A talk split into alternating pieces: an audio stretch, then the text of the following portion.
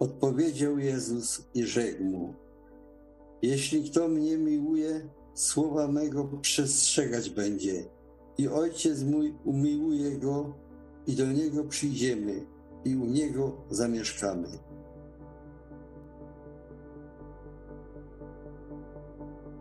Kto tedy wyzna, iż Jezus jest synem Bożym, w tym mieszka Bóg, a on w Bogu.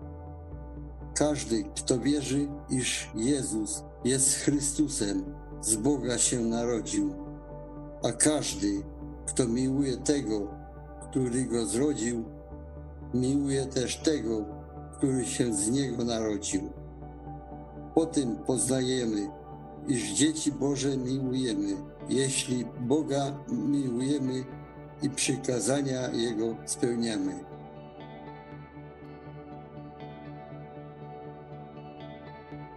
Skoro dusze wasze uświęciliście przez posłuszeństwo prawdzie ku nieobłudnej miłości braterskiej, miłujcie czystym sercem jedni drugich gorąco.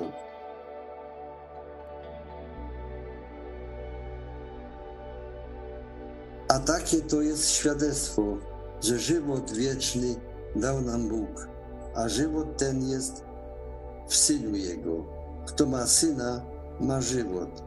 Kto nie ma Syna Bożego, nie ma żywota.